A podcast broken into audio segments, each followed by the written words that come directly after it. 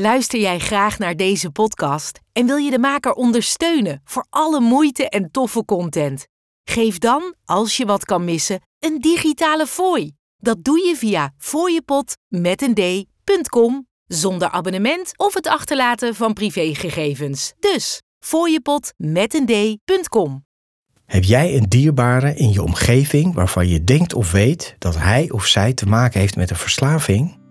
Of worstel je zelf met een verslaving? Dan ben je hier op de juiste plek. Mijn naam is René van Kolm en na 30 jaar verslaving ben ik clean en in herstel vanaf 2010 en werk ik sinds 2015 als familiecounselor. Dit houdt in dat ik de mensen in de directe omgeving van iemand met een verslaving help. Want als je dicht bij iemand staat die verslaafd is, is het echt belangrijk dat je weet wat je wel en beter niet kan doen. In deze podcast, in samenwerking met Lev Magazine, neem ik je mee in de wereld van verslaving en de verslaafde. En leer ik je met mijn kennis en ervaring hoe jij hiermee om kan gaan, wat herstel is en wat je kan doen om jouw dierbaren te helpen en zelf overeind te blijven.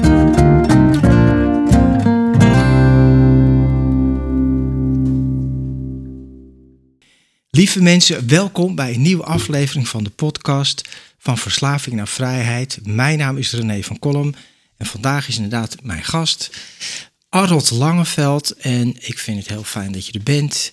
We kennen elkaar eigenlijk niet, maar we hebben al snel, we hadden even een voorgesprekje en toen kwamen we al heel snel op heel veel gelijke dingen. Je vertelde iets over de band Doe Maar waar ik in heb gezeten, iets wat jou triggerde. En uh, nou, ik heb je boek ontvangen. Wat ik heel mooi vind en wat ook heel nodig is, denk ik, is dat ook op een andere manier naar verslaving gaat worden gekeken. Uh, met veel meer begrip, compassie, zonder oordeel. En dan vind ik dat je dat in je boek echt heel mooi beschreven hebt. Met een stuk bewustzijn en liefde erin. Terwijl je toch, neem ik aan, als je twee broers hebt die verslaafd zijn geweest, dat je daar toch ontzettend veel verdriet, ellende en ook wel boosheid in hebt ervaren. Kan je daar iets over vertellen? Uh, hoe was het voor jou uh, dat je er überhaupt, hoe kwam je erachter dat je broers verslaafd werden? Hoe uitte zich dat? Hoe zag dat eruit? Uh, ik was heel jong, want mijn broers waren 9 en 11 jaar ouder dan ik. Jij hebt ook een broer 9 jaar ouder. Ja, klopt. Ja. ja. Dus het was niet zo dat ik in een leeftijd was waarin ik dat meteen kon plaatsen of zo. Ja, dat kan ik niet meer terughalen dat ik daar bewust van was. Maar op een gegeven moment, als ik het gewoon op gevoelsniveau moet, moet uitleggen, was er toch een soort donkere wolk die steeds donkerder werd en het gezinsleven ging bepalen. Mm. En mijn ouders hebben er in eerste instantie voor gekozen om te proberen dat bij mij en mijn nog jongere zusje weg te houden. Maar dat, dat werkt natuurlijk eigenlijk averechts, want je ziet je moeder tijdens het afdrogen van de vaat een traan wegwrijven uh, en je voelt als kind van er is iets aan, er is iets aan de hand, er is iets gevaarlijks, een soort dreiging. We hebben het over jaren zeventig. Ja, dat is echt 80, helemaal ja, begin. Ja. De verslaving van mijn beide broers intensiveerde. Dus dat werd, dat werd ook uiteindelijk heroïne en, en, en allerlei andere opiaten. Dus de problematiek werd ook steeds ernstiger. En, en gebruikte die dan ook samen? Of kwam dat, nou, mijn, oudste, mijn oudste broer was een hele imposante, populaire jongen in Den Haag. Een slagwerker, net als jij. En uh, mooie gast om te zien. En in alle opzichten een opvallend iemand. Heel ja. vrij en angstloos en levenslustige gave gast. En, en heel erg benieuwd naar alles wat het leven te bieden heeft. Dus die begon al met vriendjes op school te experimenteren. Met gewoon cannabis en zo. En dat ging verder. En er kwam LSD bij. En, ik, dat... ja, ja. en mijn tweede broer wilde daar in eerste instantie niks van weten. Want die zag ook wel uh, de gevolgen al vrij snel.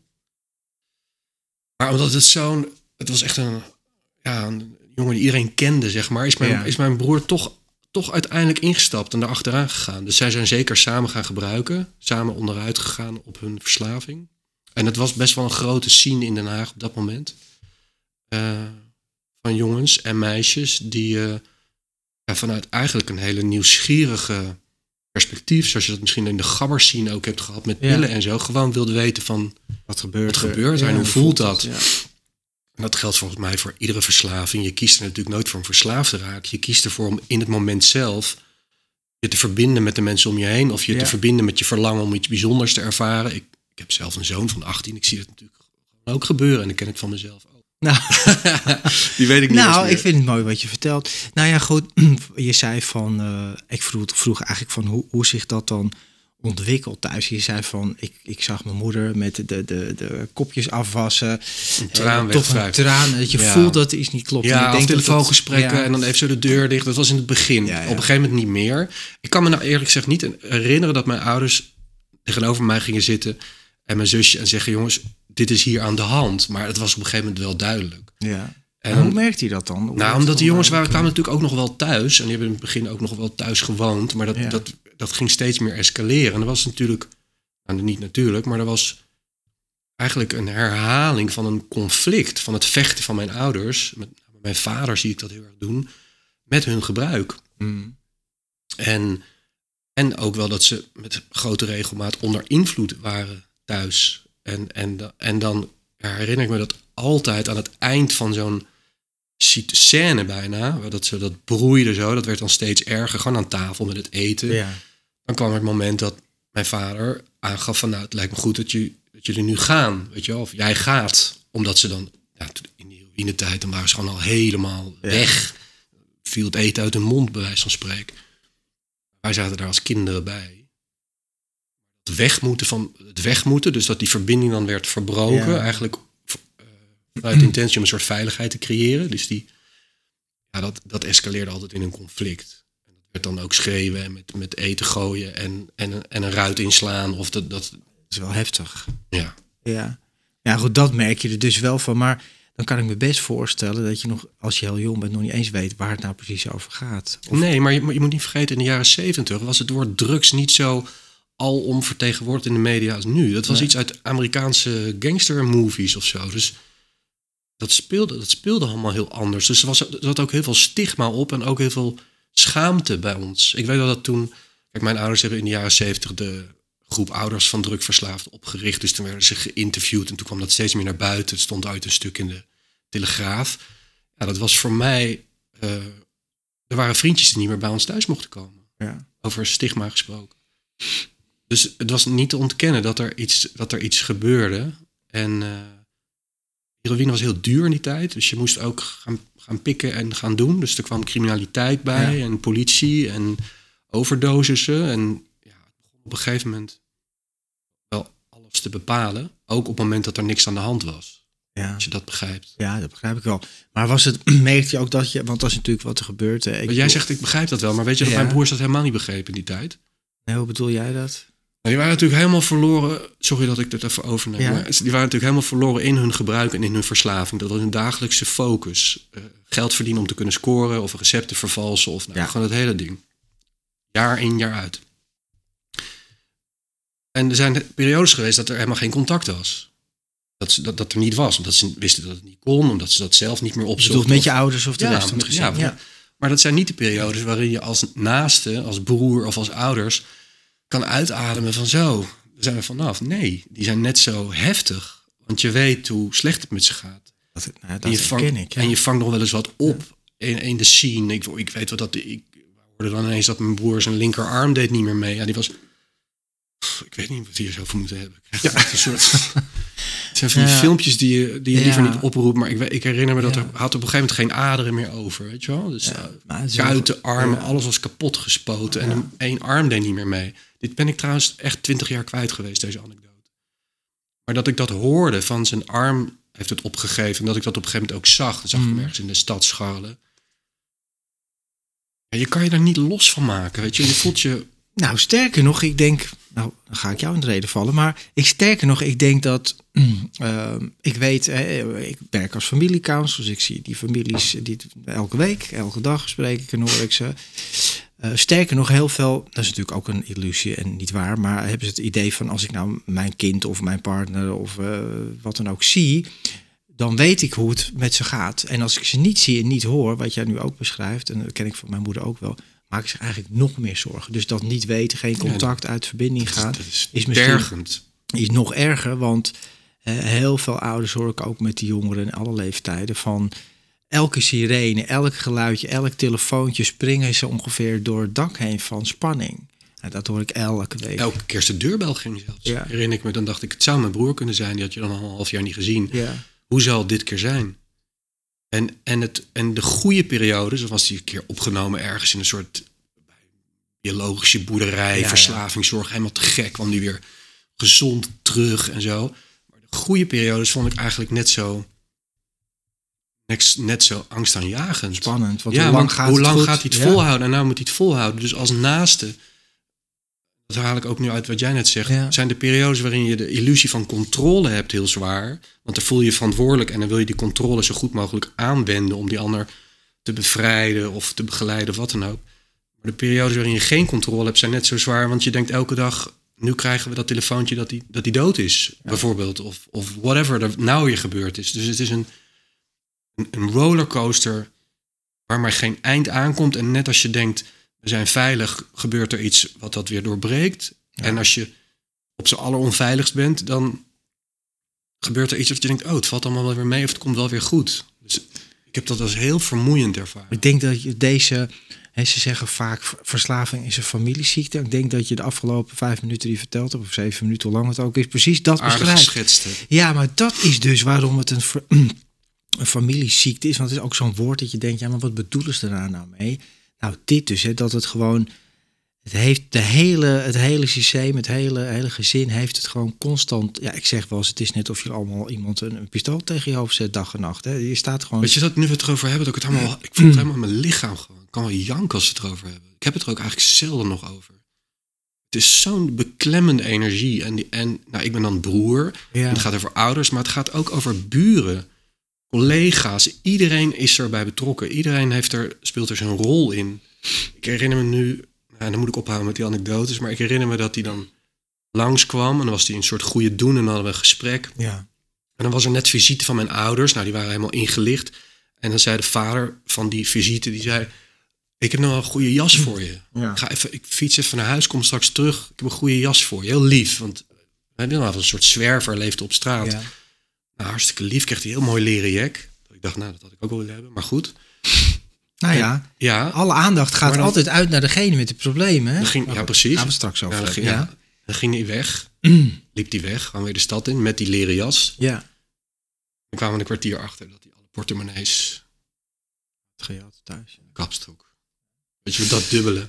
Dat, dat dankjewel en goed en lief, ah, fijn. En dan toch dat die hele onbetrouwbare kant. Dat je nooit, nooit weet wanneer je veilig bent. En ik schrok heel erg toen ik een jaar 15 geleden iemand sprak, een psychiater, en die mij heeft uitgelegd over de amygdala. Dus Ja. die voorkwap die angststofjes, ik doe het even in mijn woorden, angststofjes vrijmaakt.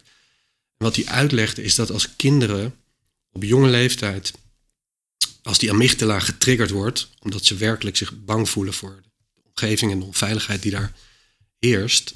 En dat, en dat gaat zo lang door, jaar in jaar uit. Legt hij die uit en is het een soort alsof die klep die open en dicht kan. Ja. Het slaat nergens op wat ik zeg, hè, maar om het uit Ik begrijp wel Ja. wat je bedoelt. Ja. Dat die, als het, als het te lang doorgaat, die situatie, dan blijft die klep openstaan. En dan blijft die amygdala angststofjes en dus angstgevoelens aanmaken. Terwijl je al lang veilig bent. Ik schrok, want ik dacht, dit gaat over mij. Nooit helemaal vertrouwen. Nooit helemaal kunnen Altijd op je ontspannen. hoede zijn. Ja. Nou ja, maar dat, dat noemen wij in de overlevingsstand zitten. En dat, dat, dat zie je dat eh, de naasten dat jaren soms daarna hebben. Ik weet, ik zeg wel eens, eh, toen ik anderhalf jaar in herstel was, zoals dat dan heet van mijn verslaving, dat mijn vrouw mij ook opbelde van. eh, en toen ging, stond ik in Amsterdam, heel braaf voor de deur van de meeting. Toen zeg je, maar waar ga je naartoe? Ja, en die zat nog helemaal. En dat begrijp ik ook, want daarvoor was ik ook. Het was liegen, me niet aan afspraken houden. Ook dat wat je zegt met zo'n mooi verhaal. En dank je wel, dank je wel. En ondertussen toch ergens geld weg. Ja, dit, dit is ook wat jij zegt, heb ik ook allemaal gedaan. Hè? Nou, het, is, je- het is ook onmogelijk, denk ik, voor naasten om op een gegeven moment een soort streep te zetten onder dat wantrouwen. Van oké, daar, daar zijn we niet meer. Ja, Want het, nou, zit dat- gewoon, het zit gewoon in je systeem. Het moet, er moet echt wel wat tijd overheen. Ja, er gaan jaren, Jaren over. jaren. Ja, Ik weet wel dat. Zijn lekker bezig trouwens. Ja. ik weet wel dat eh, op de begrafenis van mijn oudste broer, toen mijn oudste broer overleed, toen heeft mijn vader gesproken. Wat heel, heel ontroerend en mooi was. En eh, hij zei, en ik, ik begreep dat, en misschien niet dat iedereen dat, niet iedereen dat begreep. Hij zei: Van alle gevoelens die door me heen gaan, zal ik niet ontkennen dat opluchting er één van is. maar het is ook heftig om te Maar om dat te kunnen Ja. zeggen over, de, over je firstborn, weet je wel. En ik begreep het zo goed. Want ik kreeg er ook een soort broer bij. Een broer waar ik aan kon denken zonder bang te zijn.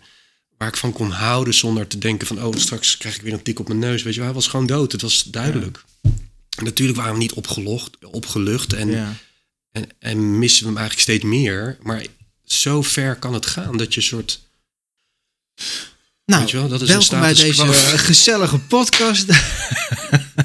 Ja, maar ik, lach, ik lach ook heel vaak in deze podcast. En het is niet omdat het een leuk onderwerp is, maar het is een stuk herkenning. Het is een stuk misschien wel mijn eigen zenuwen, stress van alles wat ik zelf heb veroorzaakt.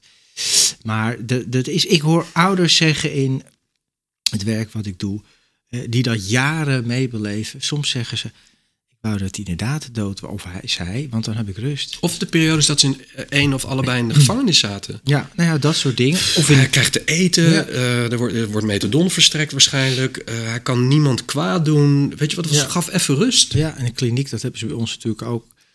zeg ik altijd tegen ze, zeggen ze, ja, ik ben zo bang dat hij, als hij nou maar het einde, aan- ja, maar ook het einde van de kliniek, ja. Ja. Maar mensen denken er ook vaak van, en dat zeg ik altijd bij de eerste sessie al gelijk van, ja, maar als je nou in die kliniek zit, hebben ze toch het idee, dan komt het wel goed. Mhm. Nou ja, ja, inmiddels. En ik weet beter dat dat niet zo makkelijk is. Nee, het is, een, het is een hoofdstuk, het is een begin. Ja, Wat mij betreft begint het pas op die laatste dag. ja. Dus niet, het, het einde van de kliniek is niet het einde van de verslaving. Dan, dan kan je pas aan de bak. Ja.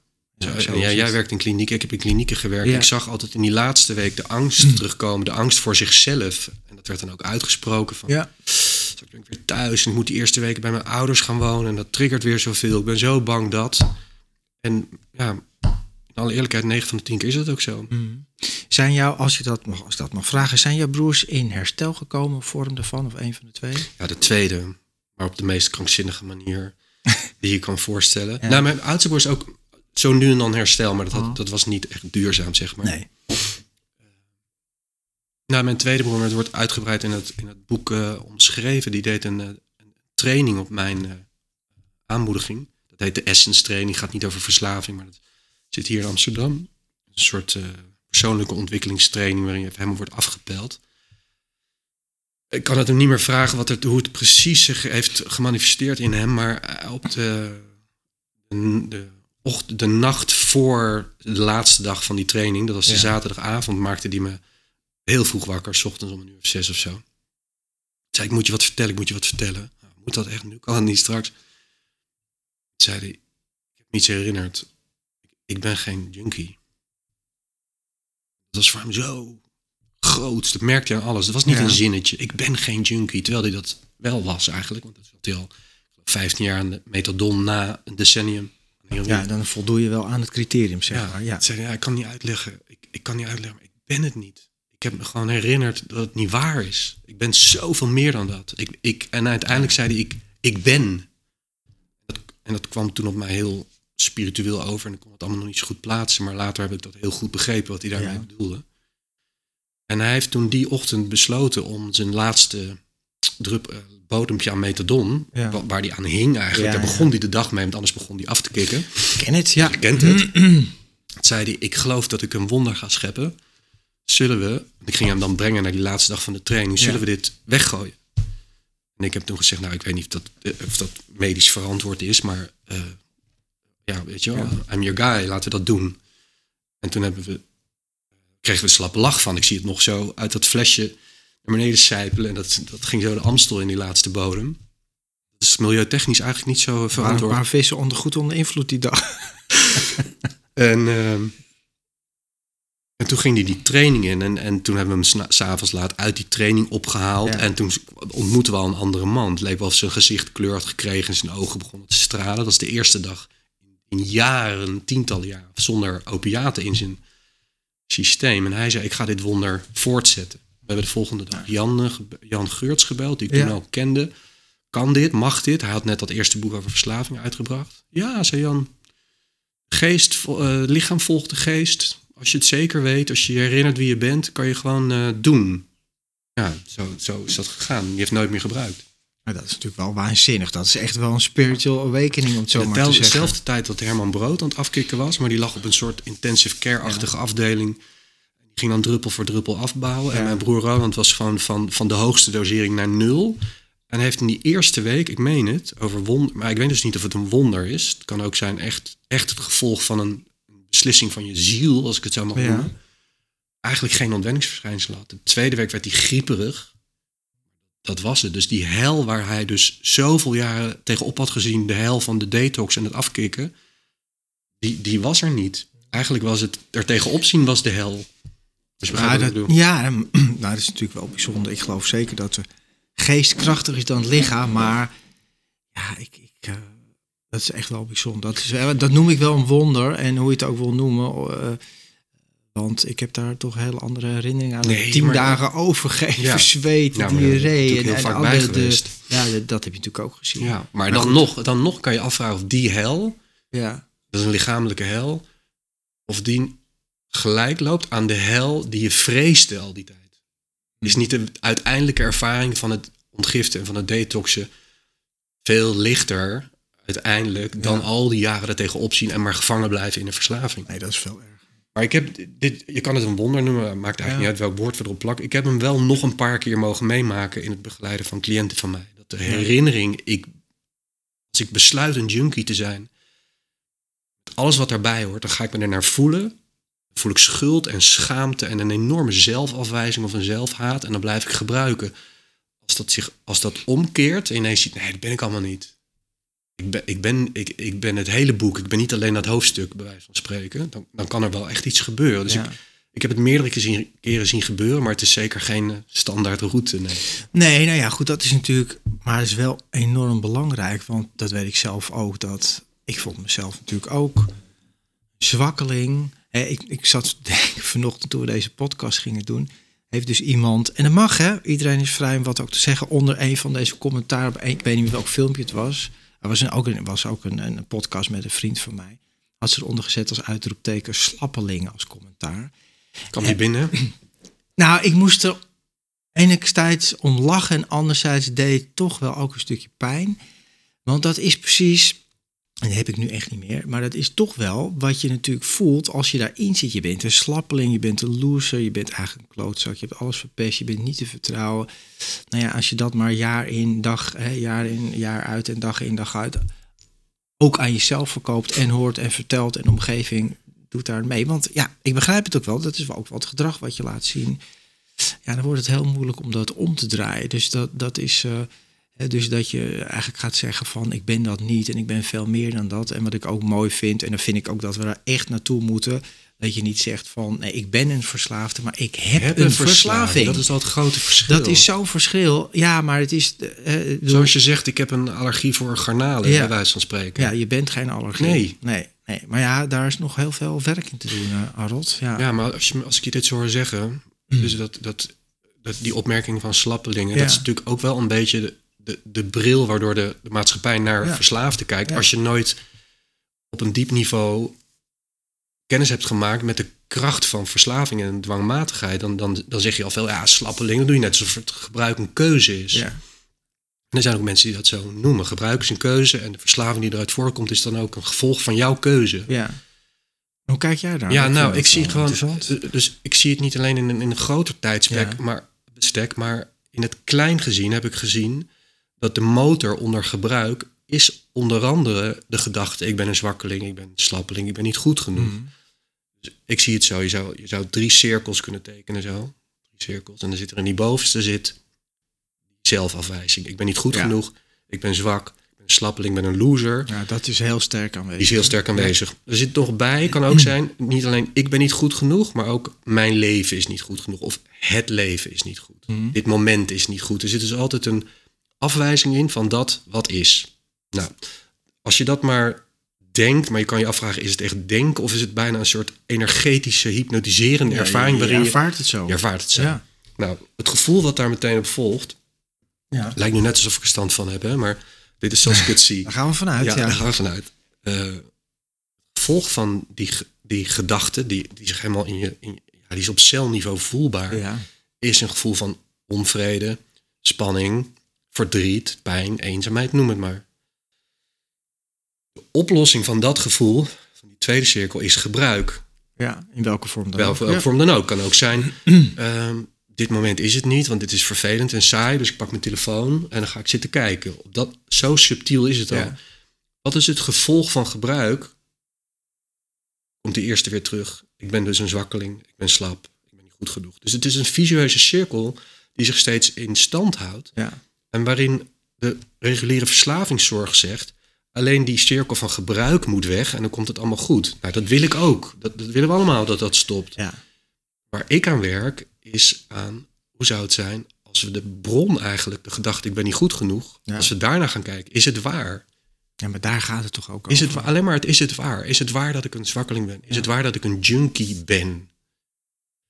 Als daar iets aan kan kantelen, daar is, wordt een soort buiging gemaakt naar een nieuwe waarheid, waarin je ziet van nee, maar dat ben ik allemaal niet. En ik ben er dus ook niet verantwoordelijk voor. En ik ben dus ook niet schuldig. Ik ben ten diepste onschuldig eigenlijk aan het feit dat zich een verslaving heeft gemanifesteerd in mijn systeem. Dan volgt daar meteen een ander gevoel op, waar veel meer liefde in zit. Veel meer zachtheid en veel meer vergeving. Mhm. Waardoor de functie van het gebruik ook in één keer begint weg te vallen. Dat hoeft dan niet meer zozeer. Heel lang verhaal. Maar ja, nee, maar, maar- dat is mooi. Maar jouw boek heet ook Verslaving als kans. kans, hè? zo zie ik het ook echt. Ja, dus ik bedoel, ja, het is, zo kijk ik er ook naar. Niet op het moment dat je erin zit, kan je het niet heel mooi poëtisch en spiritueel benaderen. Want dan is het gewoon, wat jij zegt, de hel en verschrikkelijk. En voor de mensen eromheen echt het- een van de meest grote tragedies die je kan beleven als familie. Maar als je daaruit komt en eh, als je eruit komt, want daar komt natuurlijk heel veel mensen komen er ook niet uit. Mhm. Het is natuurlijk gewoon een, een, een enorme leerschool van, ja, rigoureuze leerschool. Inderdaad, en eigenlijk ook al die dingen die je zegt, hè, die je dan eigenlijk dus ook niet bent, maar dat toch elke dag blijft voeden. Een omgeving die je afwijst, jij die je afwijst. En eh, ja, ik word nog steeds, het heeft geen zin, maar toch boos op heel veel hulpverlening waar, ja, dan denk ik, wat doen ze daar nou eigenlijk? Vingertje. ja, en de afstand die je ook voelt altijd tussen de hulpverlener of de geheerde instantie en, en jijzelf, dat helpt al niet. Maar ook het gewoon, het, ehm, nou ja, wat jij zegt, er wordt heel vaak gewerkt aan dan leren om inderdaad niet te gebruiken. En er op, zijn, op wilskracht en op discipline. ja, Dus, dus, maar dat is dus ook op angst. Op angst voor het zelf dat weer gebruiken zal. En ik zie dat wanneer die angst gevoed wordt, is dat eigenlijk meer een opmaat voor nieuw gebruik dan het einde. Want die angst is, dat, dat hou je niet lang vol. Om vanuit angst voor jezelf en op wilskracht en discipline waarvan je geen idee hebt waar je die vandaan moet halen. Je weet überhaupt niet wat, nu wordt het wat abstracter, maar wat dat zelf is, wat je Ja. dan in toon moet houden. We hebben geen idee, want het lichaam dat doet en laat van alles. Dus als dat de enige route is die wordt aangegaan, dan kan je gewoon wachten op wat ze in de verslavingszorg een terugval noemen. ja, Dus er, er is een andere weg. En, en ik weet dat toen ik had besloten het boek Verslaving als kans te gaan noemen, ehm, dacht ik, heb ik mezelf bijna elke dag die vraag gesteld: waarom is verslaving eigenlijk een kans? Want het is nogal wat om het zo te noemen. ja, precies. Ja. en op Ik denk gegeven dat moment. mensen jouw boek de, door het raam willen gooien. Ja, zijn er ook. Van Ja. flikker op. Niks de Ja. kans. Het is gewoon kloten. En eh, Ja. dat is het ook allemaal. Maar Mm. ik heb alleen maar meer antwoorden gekregen. Ik heb alleen maar meer bevestiging gekregen dat verslaving een kans is. En dat zit hem ook op hele... Kun je het je over vertellen? Ja, graag. Oké.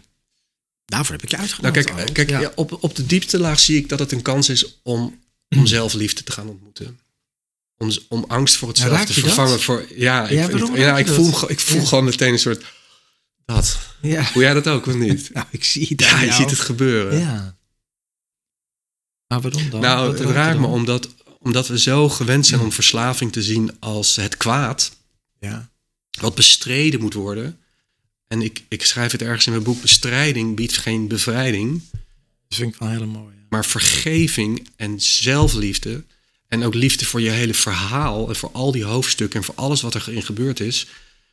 Het krijgt niet iedereen die kans om dat aan te gaan in één mensenleven. Maar verslaving is. Ja, ik moet het niet gaan doen alsof het bijna een zegen is of van top dat je Nee. verslaafd bent. Maar verslaving is een hele dwingende, maar liefdevolle uitnodiging te gaan ontdekken wie je werkelijk bent. En wat mij betreft om te ontdekken dat je uit liefde bestaat. Hm. Die uitnodiging krijg je niet als je leven gewoon lekker voortkabbelt en alles is oké en er is ge- geen enkele eh, sprake van eh, zelfdestructief gedrag of zo. Ja. Van waarom zou je gaan ontdekken wie je allemaal bent als je gewoon een, een baan hebt en twee keer per jaar op vakantie gaat en alles gaat. Weet je wel? Ik, ik, Ja. ik- het klinkt oneerbiedig, maar dat is ook prima. Ja. Nee, maar dan, dan dan is er geen dwang tot verandering. Er is geen maar. Is urgentie geen- om nee. te gaan ontdekken van, maar wie, wie, Ja. hoe- wat is dat eigenlijk leven? Wat is het eigenlijk mens zijn? Wie ben ik eigenlijk? Ja. Nou, verslaving duwt je die kant op. Je moet het wel gaan ontdekken, anders Ja. ga je het ten onder aan je gebruiken. En, Ja. en, en dat zullen de meesten ook ervaren. Maar onlangs, als ik zit te ratelen, moet je ingrijpen. Dan moet je even zeggen, Grijp van, direct. Doe, doe eens rustig, joh. Ik vind het mooi omdat dit veel dieper gaat. En dat past wel in mijn straatje. Ga door, waar was je? Ja, nou, Ja. ja. nee, laatst zag ik ineens hoe, hoe, hoe die kans ook op een, op een buitenlaag eigenlijk aanwezig is voor mensen met een verslaving. Ja. En, en toen zag ik het volgende, en kijken of ik het nog kan reproduceren. Stel je hebt in je leven eh please gedrag ontwikkeld. Ja. Omdat je een hele dominante vader had. Ik zeg maar wat. Ja. Ja. dat zie je vaak in een gezin, een hele dominante vader of moeder. Ene kind pakt de rol van naar binnen, de mol, eh, verbergt Ja. zich, neemt geen risico's meer. En de andere pakt die van de rebel en die gaat er tegenin. Oké. Beide patronen, beide gedragspatronen zijn een antwoord op het patroon van een opvoeder. Waar of niet? Hè? Die Ja. vader die dominant is. Logisch. Ja. Nou, stel, laten we please gedrag pakken. Met please gedrag word je heel oud. Ga, Ja. ja. Ga je niet dood aan, toch? Nee, zeker niet. Maar vraag het maar eens aan mensen die zich herkennen in de nice guy, Ja. de pleaser. Dan heb je ook de hele dag te maken met zelfafwijzing. Want je voelt, vaak niet eens op het moment zelf, maar daarna voel je toch altijd die Jan Lul die weer ja gezegd heeft terwijl hij nee voelde. Ja. Of die is meegegaan, of zich klein heeft gemaakt, of is gaan zwijgen terwijl hij eigenlijk iets te zeggen heeft. Ja? Nou, als zich. Nou, het kan zijn dat het please-gedrag zo sterk is en de zelfafwijzing hierop volgt ook, dat er een middel in je leven komt waarin je even af bent van die zelfafwijzing. Ja. Kan blowen zijn bijvoorbeeld, ik zeg maar wat. Nou, dat is een soort oplossing. Het blowen is een oplossing, want dan heb je even geen last van het zelf wat je afwijst, van de pleaser in jou die je afwijst. Als dat blowen ontaart in een echte verslaving, dus niet een recreatief Ja. af en toe een jointje, maar echt een verslaving. Je gaat die verslaving aan, dan kom je dus weer op die laag daaronder, en dat is je please gedrag, onder andere. Daar, daar ga je dan mee, daar, daar zal je mee moeten gaan dealen. Van Ja. wat is het waardoor ik dat steeds doe? Wat voel ik dan? Zou er een alternatief zijn? Zonder die verslaving Kom je niet achter? Nee, want ben je gewoon niet nice guy. Ja. En, en een nice guy heeft, heeft er ook wat aan om altijd nice te zijn en nooit te zeggen wat hij werkelijk op zijn hart Ja. draagt. Maar ja, goed. Is dit een goede uitleg? Ja, nou ja, wat ik je hoor zeggen is, en ik gebruik er iets minder woorden voor, denk ik. Maar je- Wat wil je daar nou mee zeggen? nee, je, je moet vastlopen om los te komen. En, en ja, weet je, je moet. Had dat je- nou meteen gezegd? Ja. Dat is één zin, klaar. Zo'n Nee, maar- mantra. Ja, ik bedenk zo op de. Ja, ik maar, maar zo is het natuurlijk wel. eh, als je niet vastloopt, als het niet op het dit is en op dat is, dan, dan ga je ook niet veranderen. En dat vind ik ook wel mooi in jouw boek, dat je het. eh, Je kan ook nog zeggen, René, je Ja. moet iets vasthouden om het te kunnen loslaten. ja, Dus je moet, dus je moet dat, dat, dat gedrag waar je van baalt van jezelf, moet je eerst even vasthouden, hem erkennen. Ja, dat doe ik. Dat ben ik gaan ontwikkelen in mijn jeugd. Dat heeft al lang geen functie meer. Je houdt het eerst vast en dan pas kan je het loslaten. Maar als je het nooit een keer vasthoudt omdat er geen reden voor is, valt er ook niks los te laten. Nee. Ik zal het de volgende keer wat korter uitleggen. Nee, mooi.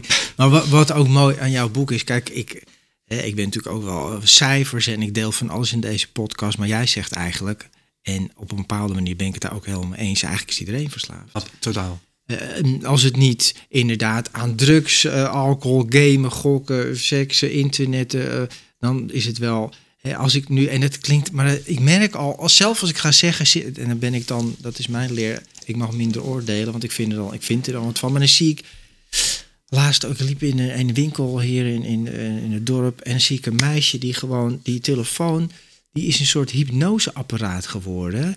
En gewoon in een winkel met een of ander, nou niet heel eh, optimistisch muziekje aan. En, maar dat, dat helemaal daarin worden gezogen, dat is toch ook een verslaving. Alleen, ja, dat, dat hebben ze natuurlijk. Ja, eh, weet je wat het ook het ding is, denk ik? Als iedereen verslaafd is, ja, dan is het dus normaal. Ja, het, is- het zijn letterlijk de woorden in, in mijn boek. Omdat iedereen verslaafd is, is het geen afwijking en geen ziekte, maar is het Nee. de standaard. Het is standaard meegeleverd met mens zijn. Om een onvermogen te ervaren. Om gewoon te dealen met wat is. Om te voelen wat er te voelen is. Ook als het verveling is, zelfafwijzing, leegte, grote opwinding. Dat, daar, zo zijn we dus blijkbaar niet Ja. geprogrammeerd. Dus, dus Nee. grijpen we al heel snel naar iets waarin we even af zijn van die ervaring. Maar met name af zijn van het zelf, het beeld van dat zelf wat eronder zit. En dat is niemand vreemd, dat doen we allemaal. Ik maak me, nou, ik, maak me, ik maak me niet meer zoveel zorgen, nergens om.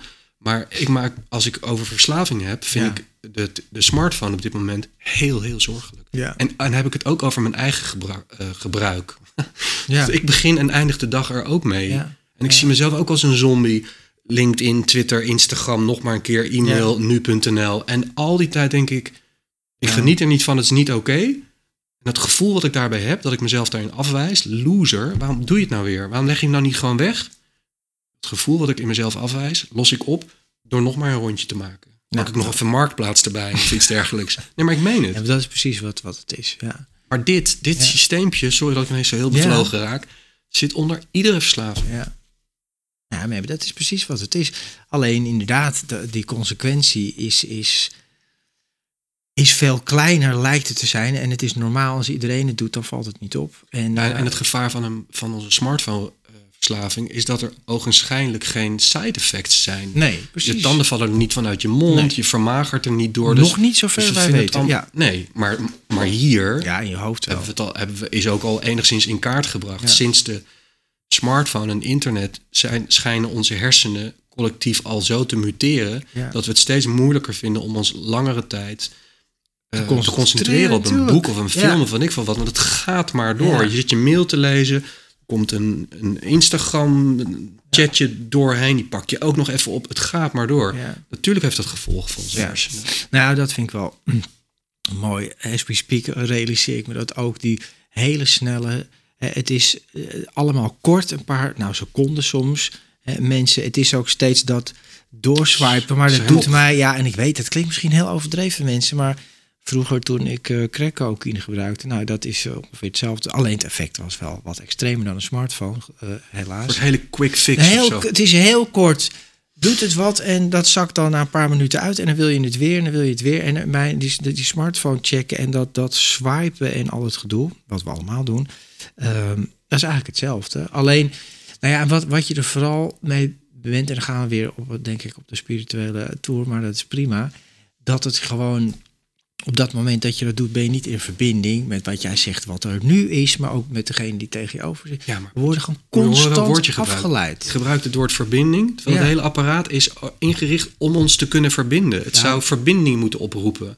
Toch? Ja, dat, dat zeggen ze. Maar Social dat is, media. maar, maar, dat is doet het zo. natuurlijk helemaal Nee, niet. Want als jij morgen een, een, een serieus probleem hebt. Ja, ik- Volgens mij staan niet al je Facebook vrienden dan eh, nee. Aan je deur te bellen. er wordt ook wel heel druk in de straat al. Maar, dat is sowieso. Nou, maar het, het is natuurlijk, ja, het hele, maar goed, eh, ik denk dat, eh, maar ik vind het eigenlijk wel mooi dat alle kanten op gaan. Eh, die, dat hele idee is natuurlijk gewoon, ja, BS, het is gewoon onzin, want ja, vrienden, en, en dus niet, want ik vind heel veel lieve mensen en ik vind het natuurlijk tof, want dat, dat is ook weer de fix.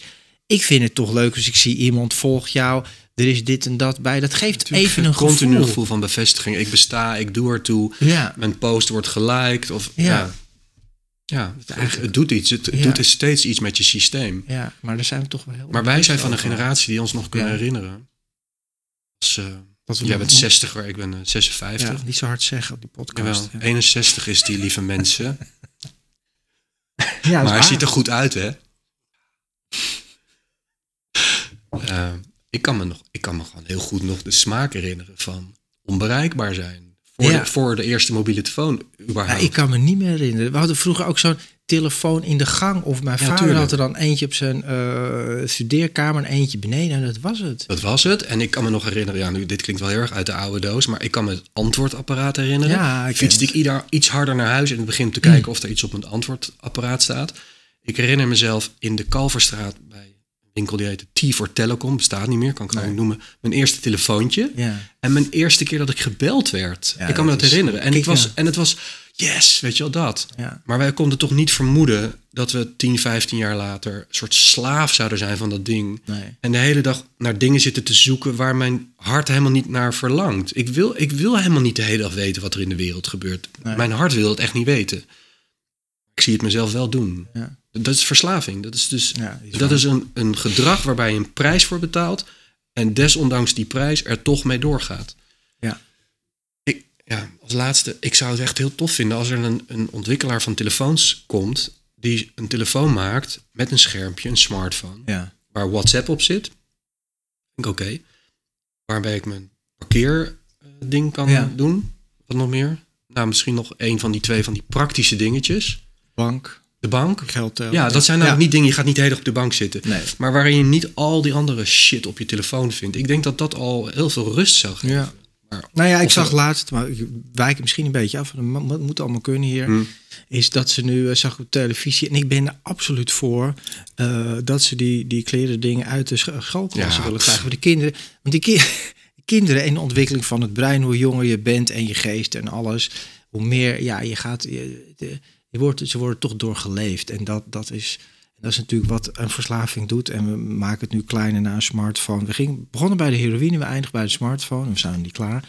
Maar Het lijkt een hele wordt- lange reis, maar het valt wel mee. ja, het wordt, je wordt geleefd door de dingen om je heen en je raakt jezelf erin kwijt. Ik zeg altijd, eh, eh, verslaving verbreekt verbinding. Terwijl het eigenlijk de bedoeling is, eh, het, het is niet zo fijn om gewoon met iemand te spreken.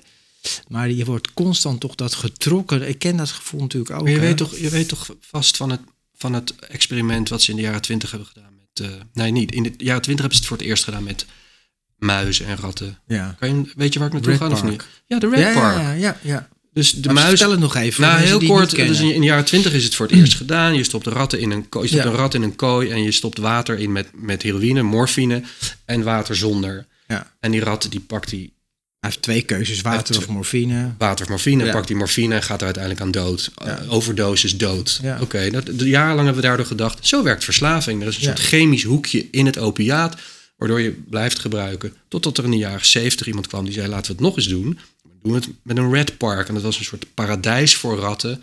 Met meerdere ratten, met gekleurde ballen, Ja. met allerlei dingen die het gezellig Gezonde maakten. leefwereld voor de rat. Gezonde leefwereld. Ja. Ratten gingen niet naar de heroïne. Nee. Gingen niet. Was geen overdosis. Was geen verslavingsgedrag. Was er gewoon niet. Verbinding is dus wat mij betreft een heel belangrijk element. Maar ik vind het ook een verwarrend element. Omdat als er iets gebeurt in het leven van een verslaafde... en ik heb dat zelf ook meegemaakt Ja. met mijn eigen dwangmatige mateloosheid... waarbij het helemaal niet zo belangrijk is waar dat over Mhm. je verliest de verbinding. Je verliest de verbinding met jezelf. Je wordt een soort zombie, je wordt een soort robot die steeds je lichaam doet hete dingen en laat dingen waar geen sturing meer achter zit. Dus je, verbindt de verbind- je verliest de verbinding met jezelf. En langzaamaan begin je mensen te verliezen die je zat zijn. Ja. Wat ik er zo ingewikkeld aan vind, is dat wat die verslaafde nodig heeft, is weer opnieuw verbinding. Dat hij zich verbonden kan voelen. Juist. Ja. Juist. Maar de omgeving gaat juist voor het afstoten. En dat is ook oké. Als je begrijpt wat ik bedoel. Ja. En dat hebben ze ook te doen. Want ze gaan anders ten onder aan de verslaving van die ander. Dat, is nog, dat blijft een heel interessant thema. Van hoe kunnen we met, naar de verslaafde kijken met zachte, liefdevolle ogen. Ja. En ze het gevoel blijven geven dat ze er mogen zijn. Dat ze zich verbonden kunnen voelen. Zonder dat die verbindenis als naaste, als omgeving zo ver gaan dat die wordt meegesleurd in dat, in dat Nou ja, zinkende dat- schip. Dit vind ik een super mooi onderwerp. En de Eindelijk. vraag, hoe, eindelijk zijn we er gekomen. Maar hoe doe jij dat dan? Hoe, hoe deed jij dat? Het is ook je werk, wil ik ook iets over horen. Maar hoe deed je dat met, met twee broers? broers. Ja. Om ze toch, het is toch je broer, je houdt van ze. Maar je moet wel uitkijken dat je niet wordt meegesleurd in de ellende. Ik dacht als kind altijd al. ik, pakte, ik pakte de rol van de goede broer. Ja. Dat ik wel wist van dat wordt te heftig als er nog eentje naar de kloten gaat. Terwijl ik voelde dezelfde verleidingen en neigingen zoals een puber Ja. en een opgroeiing. Oké. Maar ik pakte de rol van de goede broer. Dus ik had een veehalstrui met een Lacoste krokodilletje erop. En zat netjes om zes uur aan tafel de, de, Ja. de goede zoon uit te hangen. En daarnaast was ik met brommertjes bezig en deed ik ook dingen, weet je wel. Maar ik was te bang dat mijn ouders het niet zouden trekken. En op een gegeven moment dacht ik, ik ben nu eigenlijk net zozeer veroordeeld tot de rol van de goede broer die tussen de lijntjes blijft kleuren, Ja. als zij het zijn met hun destructieve rock'n'roll leven. Ik kwam al heel vroeg in de knel, nu gaan we naar een ander niveau hoor. Ja. Ik kwam, ik kwam al heel snel in de knel met het thema vrije wil. En toen ik later in mijn leven door Advaita, non-dualiteit en alles wat me daarin in aantrok en betoverde, om, me kon neerleggen bij de mogelijkheid dat vrije wil een illusie is, een levensechte, waardoor we geen afstand kunnen nemen van vrije wil, want we ervaren vrije wil, maar dat de werkelijke waarheid misschien is dat vrije wil een illusie is, zag ik meteen dat iedereen onschuldig is. Dat we allemaal onschuldig zijn. Dat we maar gewoon doen wat we doen. dat er het heel moeilijk is om een, om een keuzemaker aan te wijzen in René, die je verantwoordelijk kan maken voor hoe jouw leven gegaan is. Dat, dat maakte zoveel liefde eh, vrij in mij, dat ik ook op een andere manier naar, naar mijn broers kon kijken en me eigenlijk meteen, en dat is echt in een dag gebeurd, Ja. kon neerleggen bij hun keuzeloze keuze, als je me nog kan begrijpen. Ja, ja, ik bij hun levensstijl. Bij hun. Ik ging er gewoon niet meer mee vechten. Ik ging niet meer ze proberen te veranderen. Ik ging ze niet meer vertellen hoe rot het voor ons was dat zij zo leeft. Ik ben er gewoon mee opgehouden. Ik ben gewoon gaan kijken naar ze, met ze zijn. En er was geen enkele neiging meer om, om te zoeken naar iets wat er niet was. En om, te ze zeggen van je moet dit niet en dat niet. Ik heb gewoon die veiligheid in mezelf gevonden. Ja. En die was niet meer afhankelijk van hun keuzes. Dat was de grote omdraaiing. Maar dat was ook de grote omdraaiing in onze relatie. Want voor die tijd zagen zij natuurlijk in mijn ogen Ja. ook altijd het oordeel wat ik erop had.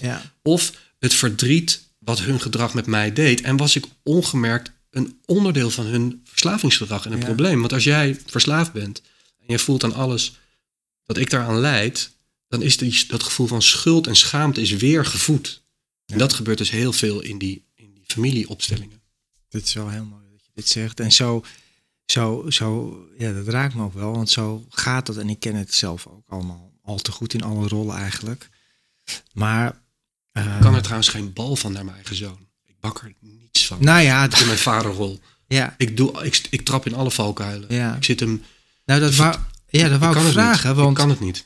daar zit een hele weg aan vooraf. Waar je alle, waarschijnlijk alle, ik heb- het is met alle mijn klassieke broers- fouten hebt gemaakt. Het is mij mijn broers gegund om in alle valkuilen te stappen, enorm te lijden, me ermee te gaan te bemoeien. Ik ben ook met mijn oudste broer wekenlang opgelopen, iedere dag. Dacht om jij dingen van, te ik ga hem redden, Ja, ik ik ga hem redden. halen, Nou, ja. er is een moment geweest dat Ja. ik aan tafel zat bij mijn ouders. Ja. Dat, ik, dat hij weer zijn paspoort kwijt was en daardoor geen woonvergunning en weet ik veel wat. En, en dat ik de, de, de, de zucht van mijn vader, die trok door mijn, door mijn ziel van... Nou, nou, het was al nou, 30 jaar aan de gang zo ongeveer, 25 jaar. En dat ik letterlijk heb gezegd, maar dat zeg ik niet om nou een beetje gaaf te doen of zo. Zal ik, zal ik een keer, weet je wel, dan ga ik wel met hem naar het stadhuis. En Ja. en dat zijn een paar weken geweest waarin ik hem iedere dag zag. Waarin we ook heroïne zijn gaan kopen. Dat zeg Ja. ik er gewoon bij, want dat- dat kon ook niet zo anders. gaat het, zo gaat het. Dat ik heel veel geleerd heb. Ehm, maar ik ook, onder, ook onderdeel was van het probleem. Ja. En, en, ik- en ik weet ook nog dat er een moment kwam dat ik, dat ik gewoon voelde van... Ik kan jou niet helpen, weet je wel. Al, al ga ik nog tien weken met je Ja, dan zit je de dag en nacht nacht bij. Dat gaat gewoon niet. Nee. Nou, dat is niet het moment waar ik tot inkeer kwam. Maar ik, ik weet wel dat het moment dat ik geen enkele neiging meer voelde om iets te veranderen aan de situatie zoals die was. Hm. Daarmee ook accepteerde, zij gaan niet oud worden. Kon ik toen nog, weet, nog niet weten, maar dat, dat was wel een sterk vermoeden. ja. Toen mijn relatie met hen veranderde en ik veel meer, veel meer connectie voelde. Veel meer verbinding. Zij zich ook niet meer schuldig voelde naar mij. Dus dat het is toch een stukje van het is mijn broer en ik moet dat, dat hele ge- geduw en dat getrek, hè, dat je eigenlijk ook verantwoordelijk voelt voor die ander. Ja, maar het is zo ver gegaan bij mij dat ik in relatie tot mijn cliënten voel ik het ook niet meer. Dus wat een cliënt bij mij ontmoet, ja. is onder andere dat hij zich even opgetild voelt uit die, uit die beklemmende visueuze cirkel van schuld en schaamte en straf en ik doe het niet goed en ik moet veranderen. Nee, bij mij krijg je meteen te horen, maar ik, dat hoef ik niet te spelen. Liever, dat hoort er allemaal bij. Er is niks misgegaan. Nog geen fout gemaakt. Het is allemaal, het is allemaal gegaan zoals het gegaan is. Het wel- kon niet ja. anders. Dat vind ik ook wel knap. Ja, dat is knap natuurlijk.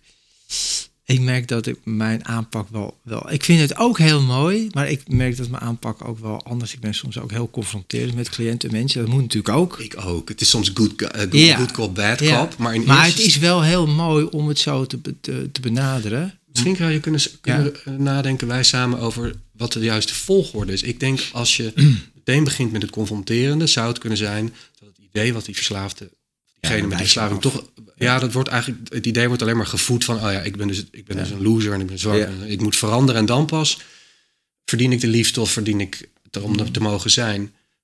Ik denk dat je nooit kan uitrusten wanneer je een verslaving hebt in het idee dat het in de toekomst nog moet gebeuren. Dan, je kan alleen maar uitrusten in het hier en nu. Kan je dat volgen? Niet in het idee van wat het nog moet worden.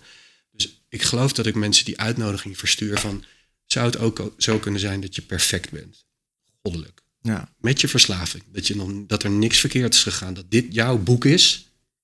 En dat als je dat boek zo leest met complete identificatie met die hoofdpersoon, dan denk jij, oh fuck, oh, nou doet hij dit. Gelukkig, het komt goed. En dan weer niet. Maar je kan ook denken, het is een boek en het gaat zoals het gaat. Ik kan gewoon achterover leunen. Ik ben dat boek niet. Ik ben die hoofdpersoon niet. Kan je me nog volgen? Of Ja, ik volg jou Ja. wel, maar dat gaat wel echt over bewustzijn. Dat gaat over bewustzijn, maar dat, is een, dat zou in eerste instantie een uitnodiging kunnen zijn. Dat je even iemand ziet ontspannen. Ja. En dan kan je natuurlijk ook gewoon heel praktisch kijken. Oké, dat allemaal gezegd hebbende. Je moet wel Je aan gewoon, je- gaan je gewoon in Zuid-Afrika plaatsen. Ja, precies. Want er moet gewoon een interventie plaatsvinden. Want anders, ja, gaat- je zal gewoon moeten stoppen uiteindelijk. Ja, ja dat, dat is wel. Stoppen is ook gewoon stoppen. Ja, zeker. trainen. Alleen maar het iemand 28 dagen in een programma stoppen en denken van nou dan is het klaar, is, is een, een hele naïeve, lieve Nee, gedachte. dat, is, maar eh, die, dat werkt niet. Nee, nee dat is duidelijk. en dat is mijn, een beetje mijn moeite Ja. met, met klinieken in Nederland en ook in het buitenland. Dan wil ik er meteen bij zeggen, ik weet dat daar heel goed werk wordt gedaan met de beste intenties. Maar als de nadruk ligt alleen maar op die abstinentie voor die maand, niet gebruiken, niet gebruiken, niet gebruiken. Moet dit en je moet dat en je moet dat. Ja, vaak zijn ze nog strenger voor zichzelf geworden. En als ze dan terugvallen daarna, zijn ze nog harder voor zichzelf. Dan ben je dus nog een grotere loser. Want je hebt in Zuid-Afrika gezeten een maand Ja. voor veel geld. En dan heb- Nou, Dus- dat, is, dat is verschrikkelijk. Ik, ik zou toch niet met alles wat ik doe. En je, ja, dat is ook weer misschien ego. Maar je bouwt dan aan. Als ik nu, ik ben nu 12,5 jaar ruim dan clean en in herstel. Ja, toch. Maar ik moet er toch niet aan denken dat ik moet zeggen in deze podcast. Ja, mensen, het is helemaal misgegaan. Ik heb toch weer gebruikt, kan weer opnieuw beginnen. Nou, ik schaam me gewoon Pot. dood. Die is echt de verschrikkelijkste. Maar natuurlijk, maar dan leg ik ook weer de lat heel hoog. Hè? Want mensen zeggen dan ook van. Toen ik in de kliniek zat en er was iemand die was een jaar clean, en dacht ik, nou, ik weet het, wat heeft die man ingenomen? Wat heeft hij? eh, Een wonderdrankje, een boek gelezen? Van ja, misschien. Maar, 100%.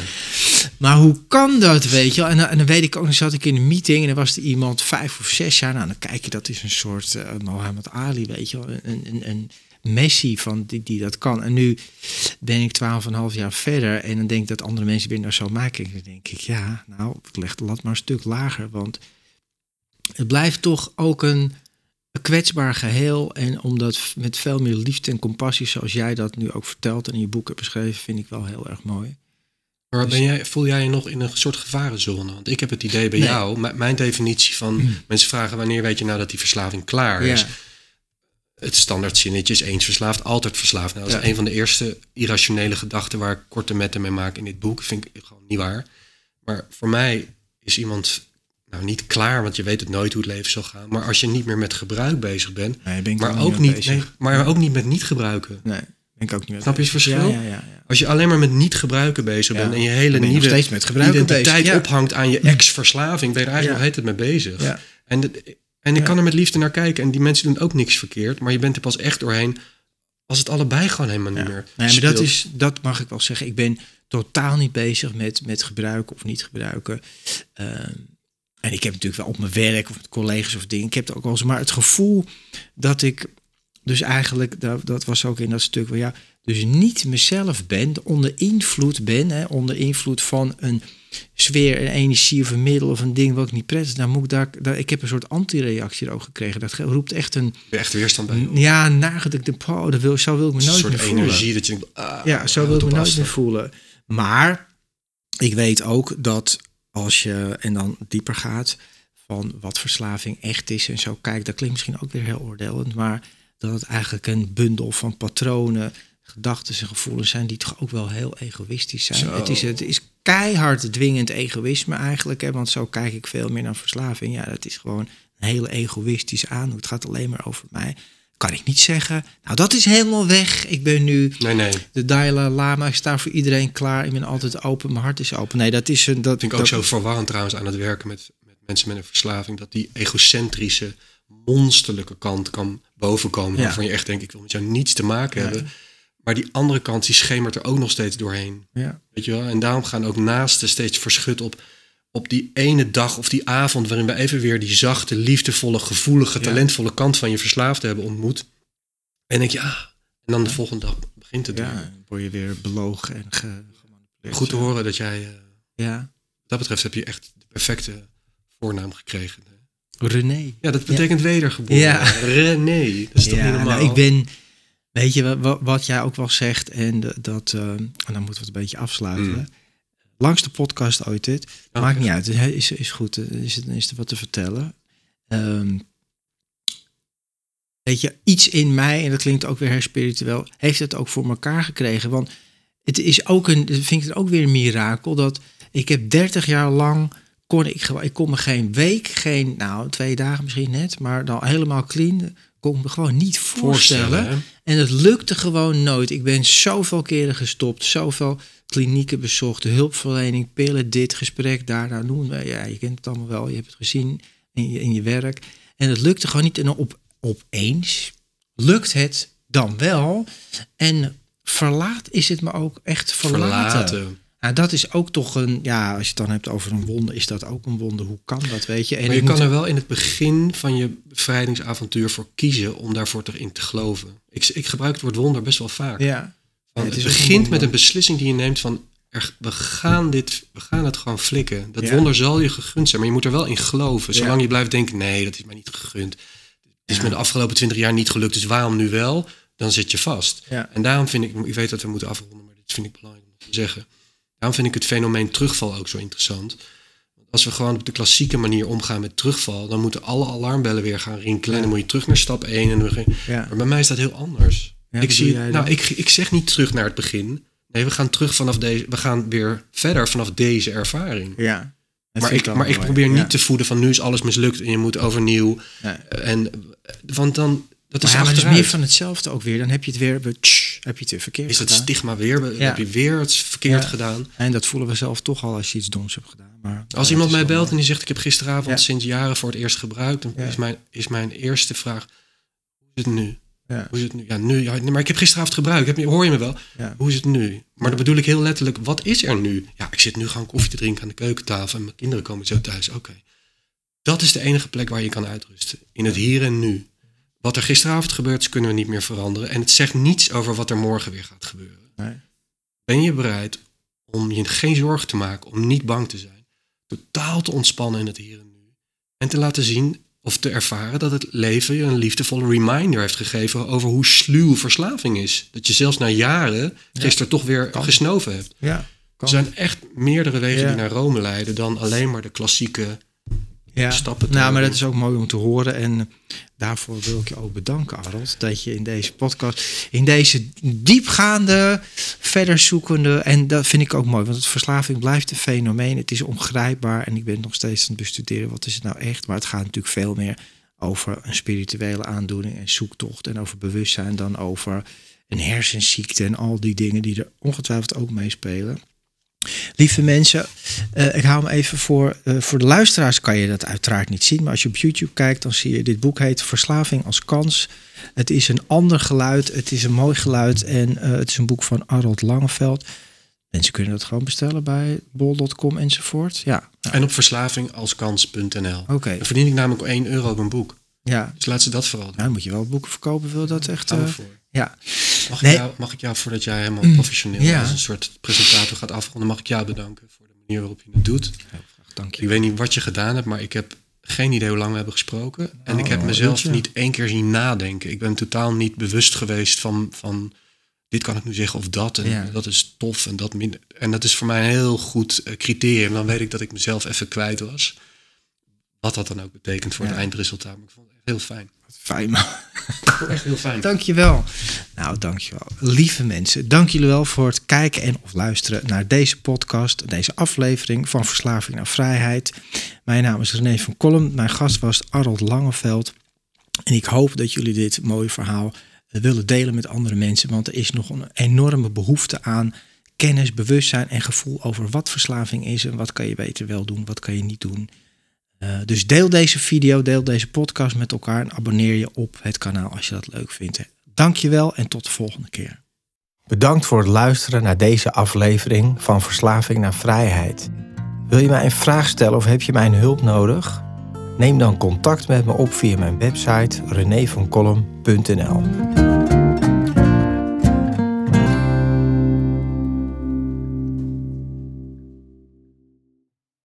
Luister je graag naar deze podcast? Laat de maker weten dat je waardeert wat hij of zij doet en geef een digitale fooi. Dat kan zonder abonnement, snel en simpel via fooiepot.com. Fooiepot met een d.com